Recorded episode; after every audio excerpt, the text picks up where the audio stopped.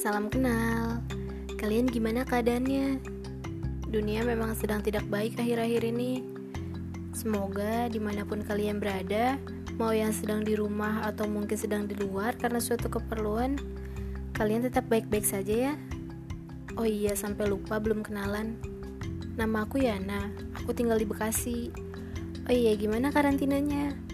Ini udah hari ke-11 loh. Bosen ya? Pasti kangen teman-teman. Yang pelajar gimana?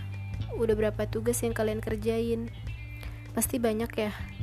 Sabar ya sedikit lagi.